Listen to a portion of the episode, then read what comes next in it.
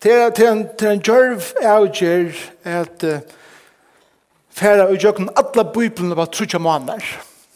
Så som de vet, så har vi så har vi store penslene eh, oppe. Det er ikke detaljer, men det er viktig for oss at, at djeva samkommende og folk hele tiden hese heldar myndene av skriften så er vi kunne bedre doa er suttja smalotene i låsene av heldar myndene og vi er langt vært i kjøkkenen negv vi er langt vært i kjøkkenen lovene som høkkene tog okken i kjøkkenen og senast så var det Gunnar som tog okken i kjøkkenen til søvelige bøkene Og vi har her uh, nekkar hørespersoner og årstøl, og Abraham omlai, det er bare omlai tøl som de får her, eller flere av dem, omlai 2000, fire krist, bare Abraham, eh, kattler av gode, og, og er ferdig fra sin heimlandet til et land som har leie han til. Og Moses kommer så omlai 1400, da god kattler Moses at leie og Israels folk ut ur eh, Egyptalandet, og fører deg inn til lova i landet, og Josva, og domar og tøyen byrjar, i middelen av 1404 krist til omlai 1000, 4 krist har David, kjemur, og han verer som neste kongren at han er Saul, som først er konger i Hebron, så gjerne i en liten parste av Jerusalem, og så gjerne eh, vekser byen, så det er eisen under hånden, og at han er kjem Salomon, eh, som eh, det er eisen konger som god hei kattla, men som fall. Som gjør det til at rydje, som var et samla rydje, får ut tvinningar, det er klanter, og ta norra rydje, eh, får vi Jeroboham, og ta sunnara vi Rehoboham, som var soner Salomons. Tutsjo atter, får ut av norra rydje som vi kallar for Israel, og tver atter, Juda og Benjamin, var så ut av sunnara rydje, og her var eh, eh, Jerusalem høvestavur, og ut i norra rysene var Samaria eh, en av høvestavene her reisende. Eh, og i år 222 kommer Assyria vi ser Nakreb, Konje av Odda og teker til 28 der som, som var her norre og utleggt. Og til 18 der vil jeg blanda er vi hettning av blå. Så er at De hadde ikke for det første vi tilbjørn i Jerusalem og Gjera, men jeg tror at folket til norra 2018 er faktisk blivet vekk, eller blivet blant der vi heitninger, så er det bakgrunden eh, til det som vi i nødvendighetsmentet kjenner som samverger. Okay? Det kan gå helt her atter. Jødene vil ikke ha samverger å gjøre, og til å øyne til å gjøre at langt under Salomon eh, så får det norra rutsi, og de hadde ikke noen religiøs sammen, og det var strøy i midtelen, og så ble det blandet. Noen år settene, 506 for 4 krist, kommer så Nebuchadnezzar ur Babylon, og fullkomlige øyer Jerusalem og tempelet, og teger følge og i utleggt. De er utleggt omlai av fjerste år, de blir færre heimater, og de er færre heimater i Trimon, Balkon, Serubabel, Esra, og som Nehemias var den seneste. Om Omlai år 430 eh, ved Malakia skriva og gamle testamentet er så liot og søvann til Israel og gamle testamentet endar her. Selv om til 400 år i middelen tar Malakias eh, ska skriva til Matteus eh, evangeliet åpnast atter. Her er 400 år som ikke er i bøyblene, men vi tar en rikve av søvlen tilfelle om det. Så kommer vi til ter poetiske bøkene og profetiske bøkene. Hver har jeg ter hjemme? Og i helt ståren har jeg ter hjemme her. Um, og i mean uh, David, Saul og Salomon og alle hinne kongene er konger. Uh, jeg kallar til slutt jeg kallar det for poeter. Poeter og profeter eh, skriva samtidig som Jesus folk lever uh, i jøknen så tøyene, bare til norra røyke og til sunnare røyke. Så hvis, derfor hittir jeg at poeten, og hvis jeg lykker hittir mer enn greinlig etter poeten her, så er det solmaner. Vi har solmaner samlet her i Bibelen i det, men det var det ikke i gamle testament. De sunker solmer helt her atterifra, da Moses levde til Moses eier solmer i solmenen, Og vi har eisne solmar helt her atter fra tar det komme atter ur utleggene og bygde tempelet. Og alt her i midten. Så solmar og lovsonger har vært en pastor av alle søvende til Israel fra byrjan til enda. Så har vi jobbspåk, Det er synd at bad om nærmere å skriva, men flest er samtidig om at jobb mulig å være en patriarsker og skriva i helt her atter vi og Abraham og Isak og Jakob og Øtlen Feimen samtidig med over vi teg. Og så igjen er predikaren og Hasanjen hever Salomon skriva. Han har ikke skriva alt, men han har skriva største parten av, av hesen boken til några några årtøk som som ånder eisen i eia. Settene, så blir salmaner samleir saman. Men det er ikke for lengt at han har bei tempelet er, er lagt og så videre, så blir det her samleir, og samleir en bok som vi heva til og i det.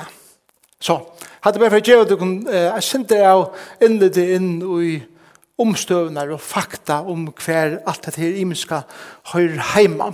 Så så sier, det har en mynde av du tar det läsa eh, gamle testament, kvar hver där nøglunda höra hemma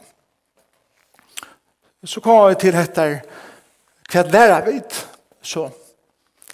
Hva är det som eh, salmaner och jobbspåk predikaren, årtøkene, og og ha sangren lærer akkon. Anker hei eisne kost sorgarsangren på et her til henne så poetiskur, men jeg har valgt at, at halda han til eh, profetene.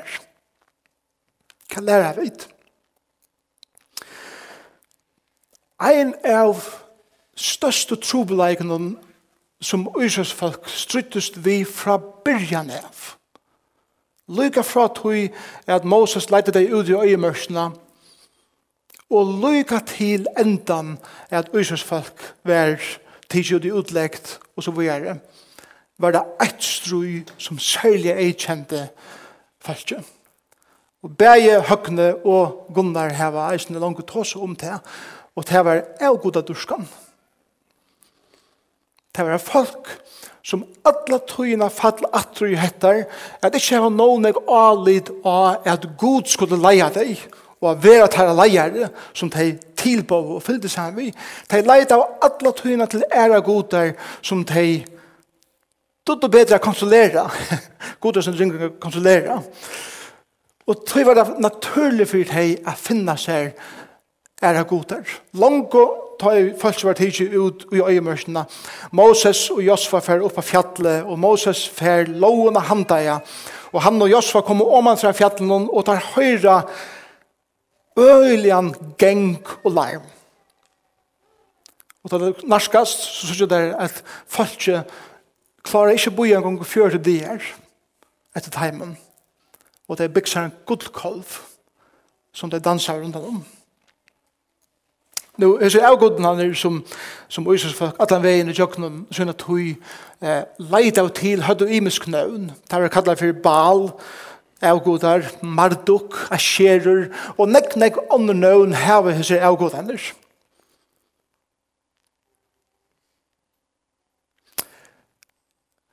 Men det som er øde avhåverst, som, som Bibelen eisen og ber for jøkken, og eisen som arkeologi har hjulpet oss å få meire innleit enn ui, til til at hese avgodene representerer noen avvis ting i løyvenen til Israels som gjør til vi okken, ja, vi kanskje ikke er så reelle annerledes enn til i korsene.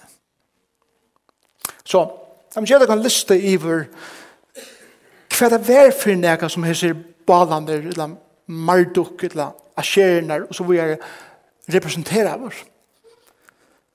Et vær makt. Troen etter heva makt. Makt og kontroll av livet. Og det var henne kjenslan og hessen livstyreren jeg skal hava kontroll av min liv. Og det finnes som jeg er avgoder som skulle hjelpe at heimen vi tog jeg måtte egna liv skal jeg hava kontroll av.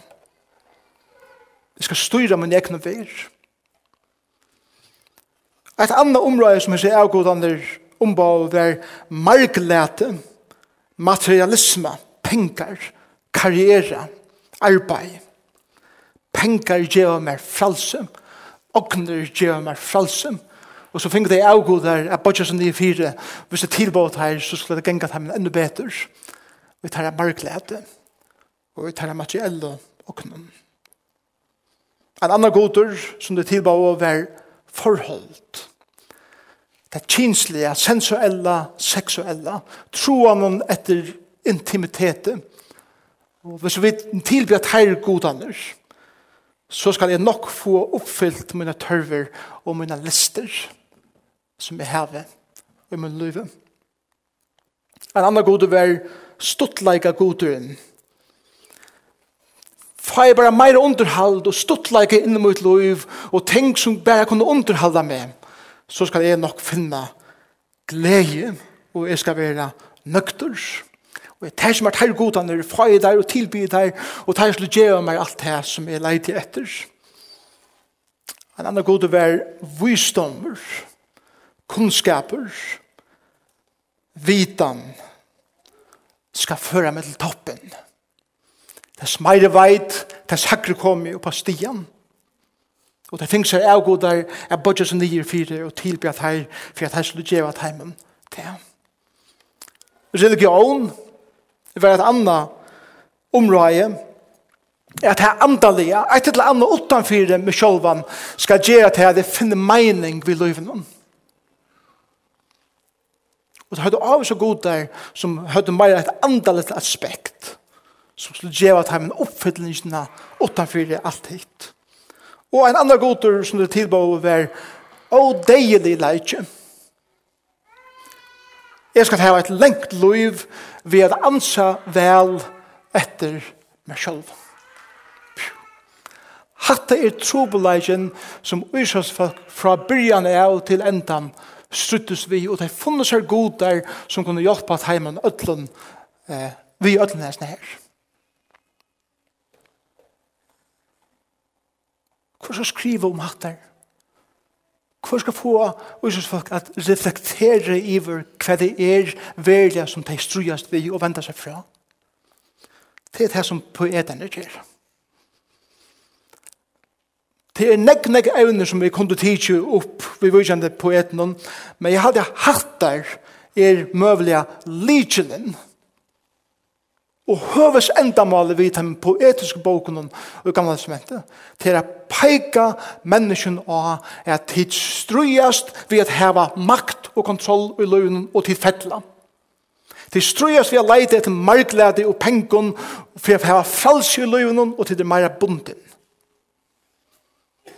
Tid leite etter forholden men til hva tørver og tikkara lister er ångande oppfyllter. Tid leit et stuttleika, men tid er unga det klær eller nøgt. Tid leit et vysdom og kunnskap, men det kommer unga til toppen. Tid leit et religion, og tid liva meningsleis liv, og tid leit et odeilig leika, og tid er frustrerar i av at liv er så tungt og så trobult, og det er alt kjem til alt, så dødja vidt. Hatt det her som poetene skriver om. Særlig. Er det så annerledes åkken? Åkker er god der. Det er kanskje så ikke lykke ut som det er.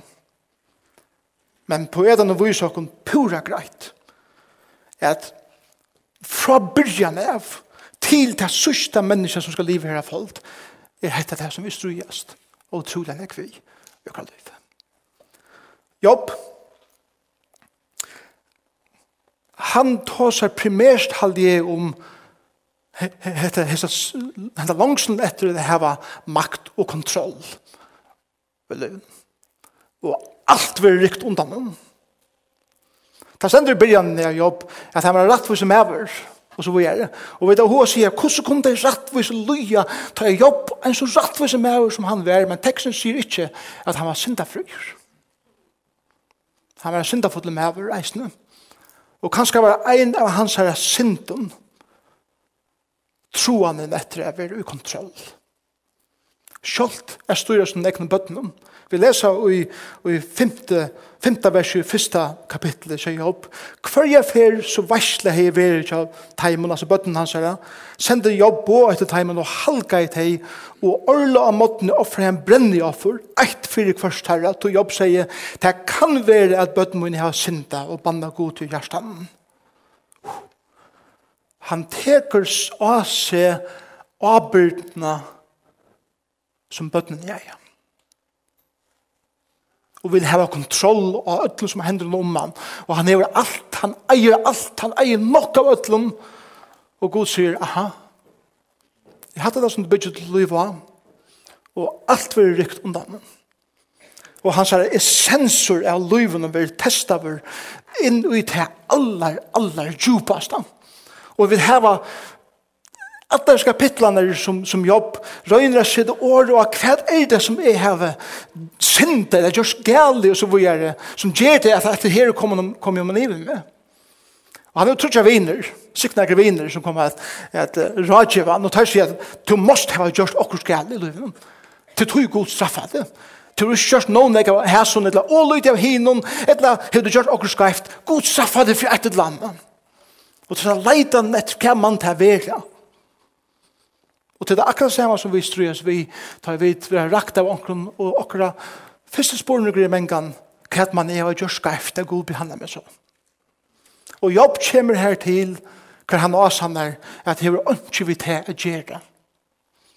Men god vil ha meg her til, hva er bodje med nye for hånden, og sier, to hever makten og kontrollen, ikke jeg. Til høvesbåskaperen og jobb. Jeg leber lukket salmaner rom til salmaner er et særlig sted til sust. Årtøysene. Visdommer. Leitan etter visdomme og kunnskap er det her som eh, som årtøysene særlig tås om. La meg lese det første tjej versene. Årtøk Salomons, sånn av Davids, kongs Israel, er at heimen kan ein lære visdom og tikt og skilja vid og tale. At heimen kan ein få rausing og gjer han klokan at læra rattvise, ratt og rattsinne. De gjeva hinn en årønda kloskap, hinn unga kunnskap og skil. Vi har lust til at heimen eikar hinn visti om lærdomsøyn og vi til lærer at liva ratt. At heimen kan ein læra at skilja årtøk og lykningamal. mal år vismanna og gater herra. Og så er det likna verset som kommer her, at øttast herran er opphev visdoms og kunnskaper. Og så kommer kontrasteren, og i ære helt av versen, darar vannvira visdom og tikt. Og en, st en størst tema i årtøkene er hessen kontrasteren, Ein som søker visdom, og ein som er dårlig, som ikke finner sin visdom og sin kunnskap til Herren. Det er nok stuttlig eh, progresjon eller utvikling i de første kapitlen i årtøkken som vi ikke har tog i, men skal bare kaste det ut til det. Og den ekve er å begynne vi sånn og munn lust etter rødt færstøyns og så videre, og en ekk hatter. Og det er som han begynner vi hesten her, at visdommer er innlærder i badna og æren om heima. Her er visdommeren innlærder, her, her teker vi tann inn fra okkar foreldrene, eller vi som foreldre er djeva okkara bøttene, øtta herrens. Men så viser det akkurat som også at så kommer hesten her ungedronkeren, soneren, opp i tanninga av alderen og så vi er. Og her vil visdommeren avprøve av oss. Og alt vi som er tanninga er videre hva det betyr. Visdommeren han vil testa over, han skal lukka stretcha så lengt som han kan, og, og er det nu så, eller passar det der, og, og de røyna okken. Og så gjerne eh, leir okken vi er hver han vil, altså visdommeren vil praktisera vår i mandommen, og i karrieren. Det er nok så stort i progresjon og i hese bøkene. Kan vi lære visdom, lykke fra bandsbeinet av og lykke til vi blir gommel. Men tannvisdommeren er ikke grundaver av akademi og gransking og kunnskap og vitan minus godt men god i tjattnen av ødeltøy som vi søtja her løven. Og det som Moises men struttes vi vært her at tar hilde av visdommeren og kunnskaperen som vi heva skulle helst heva åttan god og vi skulle få nekka på sjørtøy. Og det er fotlo atter og atter og atter til eller ui futjende hender som gjør det til tjeler atter og atter. Ha sangren Han takler henne avgåten som hever vi forhold at gjør. Han har troen etter at bare det kan få et forhold vi omkran som kan oppfylla mine tørver og mine lister så vil mitt liv godt. Og jeg god at du kan heie til visser at det er ikke en halgan bare til en god, og at det er ikke en halgan til en god, så er det heller ikke halgan bare til en partner. Og tog var øyla nekver eh, seksualiteter og lisensiteter eh, med den folk. Hver, hver, alt var løyf, og omoralen som kom inn var øyler. Og Hasongren er, er en bok som peikar okken av at et djupt forhold er et forhold hver du tårer er feisa hver du sjølver erst.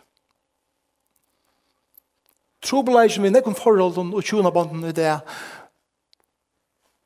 at han er så kjøtt som en tjonafelle blir spekla hver er verlig er som jeg annars har rundt undan alt mot liv.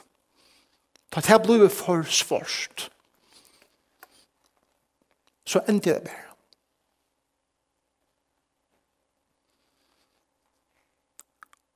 Hassanger viser dere kostnaden av å komme inn i et intimt forhold ved en annen person. Men ultimativ bådskaperen og i hasongen er at det er intima forhold ved god innskyr ved sitt folk. God innskyr et intimt forhold ved oss. Det er en prakkfull bok. Vi får jokken gengene meg mamma om herren bør vi komme. Som er en søva fra, fra til per er ung, ble forelsket til det ble gammel sammen, og fra haltande stigende av hver nøren, og kjøkna i mørsene. Som er en underfull mynd av det god som, det er lov som god innskjør sammen vi okken. Predikaren, predikaren faktisk hever atler så god han ruser. Han, han, han, han til den mest deprimerende boken at lese. Men hun er fantastisk, tar vi byrja å lese bøkene vi har som for eie. At predikeren er hessen her vysemæveren, Salomon, som Aftan av et loiv, som Gunnar Eisen nevnte for jokken senast, er at han, han er finnes alltid det fra gode, men han spittla borster til han færsa som nekva koner. Det var ikke gale ved konen. Men trobeleisen vi motivene for seg konen til Salomon var for fri ved alle futjentene rundt om. Så hvordan færst du fri ved alle futjentene? til det jeg fortsatt ble til sverfær, eller svermor, så var det funnet. så alle tjåene han om fikk Salma koner fra, tusen koner. Det var sånn. Og, og det, er en var hele hedger uh, i Kidrondalen og Jerusalem, bare nesten for Jerusalem. Her bor alle koner i Salmon, alle i ubarblokken, etter søgene i fjellene nærmest. Men han började att tillbe att Herre är god här. Och som drog han väck från god. Og anker heldur at Salomon nu i gammans aldrunnen, nu som en gamma maver, er kommet atter til Herren. Og hos seg nyra reflekterer i sitt liv hvordan jeg utrolig fafungt hever i hans liv og i leitan etter makt og i ned etter marklete, og i ned etter forholden, og stuttleika, og vysdomme, og religion, og odeileika, og han har leita etter ötlensen han hever, han er hoveryker, han hever utrolig makt, han hever en utrolig avvurskan, han hever prøva a bytja, han hever prøva a ferast, han hever prøva konefolk, han hever haft sex som, så lengt som det kan stretchast, og han hever prøva eh, arkitektur, han, han bygde fantastisk, og han, han han, han har prøva list og tonleik og alle disse tingene som veren gav honom, og han sier, fafongt, fafongt, sier predikeren Og så er det en, et likelig år i kjøkkenen, en av bøysene, som kommer atter og atter, og det er under solene. Alt det som leid etter under solene her bare, jeg har prøva alt, og det gjør meg ikke det som mitt hjerte mest lunch etter. Og da man leser prædikeren, så må hun si, ja. Men lykka, så er vi akkurat lykka. Og da vi så kommer til endan av prædikeren, da man leser det her fyrdikken, prædikeren kapittel 12, og det er sørste versene her. Her sier han bare så leis, vers 13, Enden og ødlun, nu og i alter hørst vi heter, øttast god, og halt på hans herre. Vi gjør en øron, årtøysene, opphev visdoms og kunnskaper, er kveld, er øttast god. Det er det samme som han sier her i prætikeren. Du god skal dreie til doms et og kvart versk, ta han dømer alt her og i lønter, veret her noe godt eller ilt. Og det er som Salman kommer til enden av bøysene sier, jeg vil prøve alle seg av god annar, som er størst min løyve. Nå til jeg kommer til enden av min løyve, må jeg avsamme at jeg har haft av godar alt mitt løyve. Og jeg har leita under solene, Men det er ikke undersålende at vi finner meningene, det er handan sålende. At alt det som er undersålende gjør mening. Salomon sier ikke blæka alt det her vekk, men let det som er handan sålende, god og øtta hans her, og et intimt forhold til ham, ved at det som er akkurat primære, og det som er styrer øtlen hinnen, som er under sålende. Så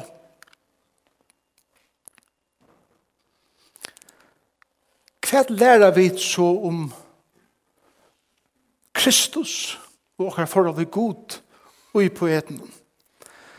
Hvis vi tenker parallellene etter makt og makt, så sier Kristus og poetene sier vi okken, og peker okken av Kristus og hva forhold vi god, at kontroll og for to ångan de heva i løyven.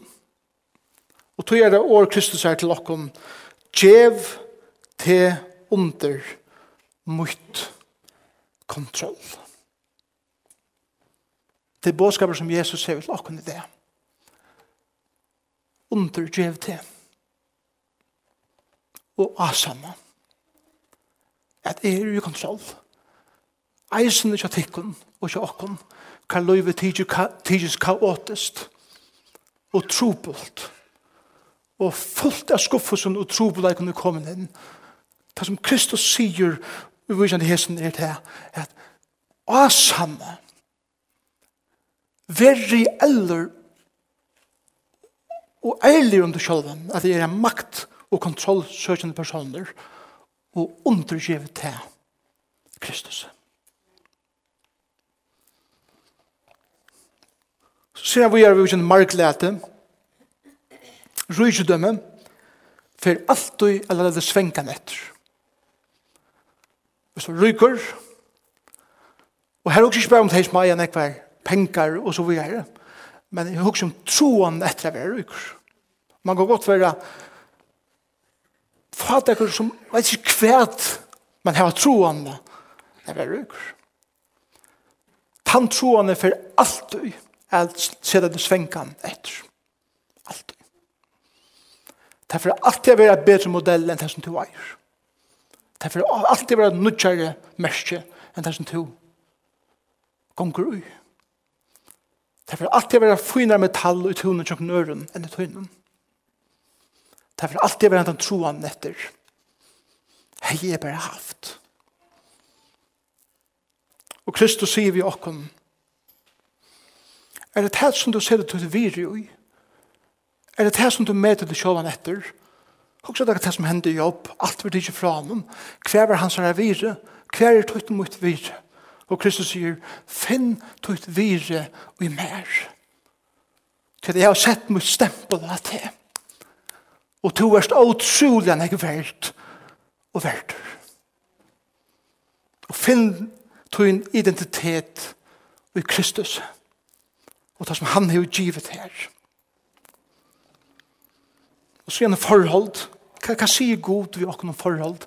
Og ikke åkken ha sønnen, og hva sier Kristus vi åkken i akkurat troen et forhold?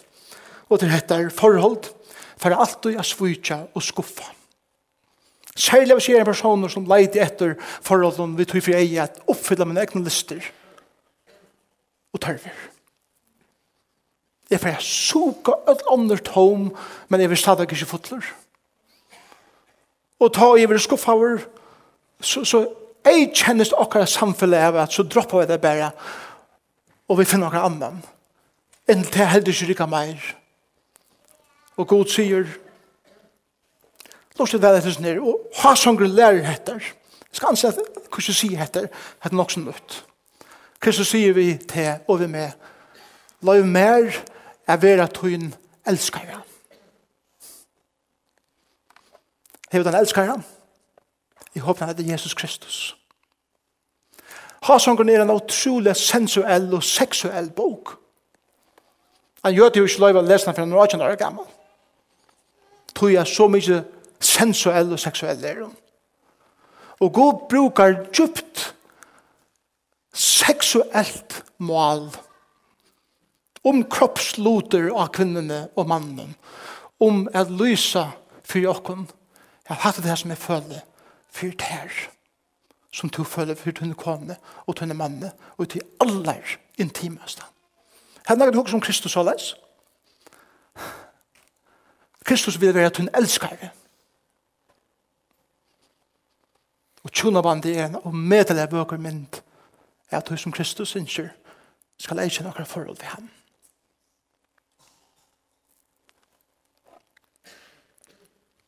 Stuttleikje.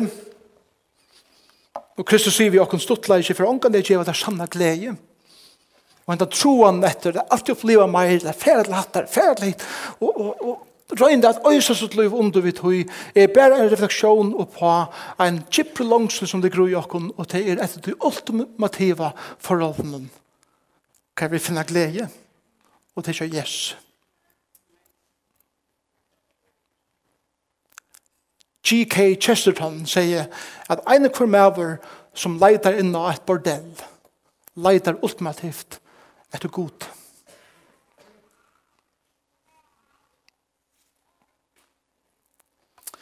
Og Jesus sier vi okkur det her Jeg skal gjeva det her nøgt sem. Og sånn glede er det nøgt sem.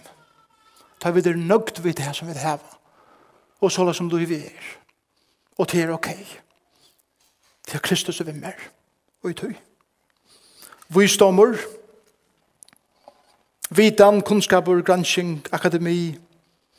For ångan jeg er vera en no-goer veleier.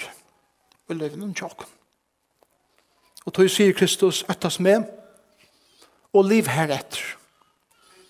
Øttas med. Og liv heretter. Religion. Religion religion, andalighet, til å komme og møte, og så vil jeg være skai motiv, for jeg gjør okkur til tvei imesting. Antil, for at det være fordomsfotler legalister, som bare døma og kritisera ånder som ikke er akkurat lyga som vit, eller være vinklande pluralister, som bare teka mot ötlun og alt er fynas ordan og ikke fantasi i nøkron til det som religion gjør i okkar løyve og en troan etter onkel andalion som kan oppfylla okkar tørver og Kristus sier er det vera til frelsar ikke bare til frelsar fra helvete inn i himmelen men eisen til frelsar jøkken til gjerne sted som det første jøkken her løyven og så er det å deilig leitje løyvi under solene, for alt det enda i vognløse og i deia. Og Kristus sier, jeg skal gjeva til løyv, løyv i iveflå. Det er det som Kristus vil gjeva okkom, og det er det som hese bøkene, eller poetene, minna okkom da. Hva lærer jeg fra poeten som jeg endte? Det som jeg lærer fra, fra poeten, og i løsene til som jeg har sagt det, er det at poetene, og i gamle som endte, få okkom å stegge av og reflektere Hugsa om hver vi er i løyvnum, og så trusta der av hessa knapparna som vi helst ikke vil nekka skal trusta av, som nøyer okkuna reflektere i vår tar avgådaner som er her i min liv. Så er vi så utrolig avløyg fra først gamla gamle sementen, da det kommer til avgådar, okkar avgådar så ikke lykke ut, men grunnleggjande er det her. Som tryggvande har vi givet Jesus Kristus i okra liv. Vi kallar Jesus Kristus okra frelsara, okra herra, middebelen i okra liv. Anki er meira tuttninga mykje enn mitt liv saman vi Jesus. Etter er han, spyr jeg på etan. Er han nå det? Og tar bi okkon, spyr okkon sjolvar og sjolv, negar rannsakad spurningar til dømes, Hva det drømmer du om? Hva bruker du deg inn at hukse om og at drømme om? Hvordan hukse du om dine fremtøy? Hvor er vi ut dine fremtøy? Hva fyller dine daglige tankar aller mest? Hva bruker du største parten av min tøy tid? Hva investerer du største parten av min pengen ui? Hva er øvende i øren? Da jeg sørger hva de hever? Hva er passionen? og driv meg inn i min liv. Og så spør jeg deg, og forresten, hver er god? Vi gjør den her sånn. Og på et eller annet få å kunne reflektere over hese tingene her på en, og spør jeg åkken, hva gjør du? Og her er salmene kommet inn. Og salmene, tar er spjatter ut i alle søv og Israels. Og tar seg leikelen til ditt forhold ved god. Jeg lærer en lovpris av hånden og tilby ham for hver han er.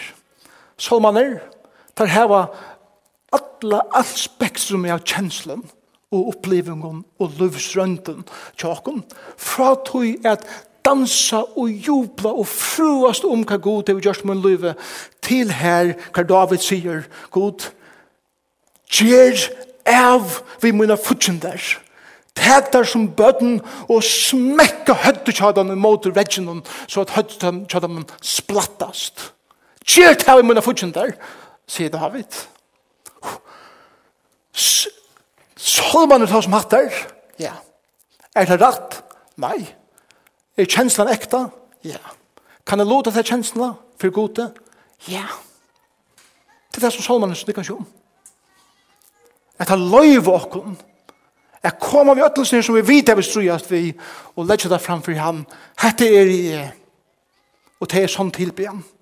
Ta vid, i for i Asjan Guds, er ærlig og ekta om hver vi er, og ikke teka et her andalige smyle og klæene på, som om alt er så fantastisk, og vi stand hele til hender, og prysa god, og så vi er, og så fyrir det sted, og har vi da glemt han så kjøtt som vi fyrir møten om. Salmanen er en pastor av det dagliga løyvenen til det tryggvande som hjelper oss å fokusere på at tilby Herren og gjøre han til en daglig past av akkurat løyve med han vil og i verleggene av akkurat gjøre han til løyve. Profetene er nast, så mye man tar som teir. Månene poeten og profeten er hesen. Poetene får oss å reflektere. Profetene får oss å reagere. Og takk livet å høre så er min neste fyr.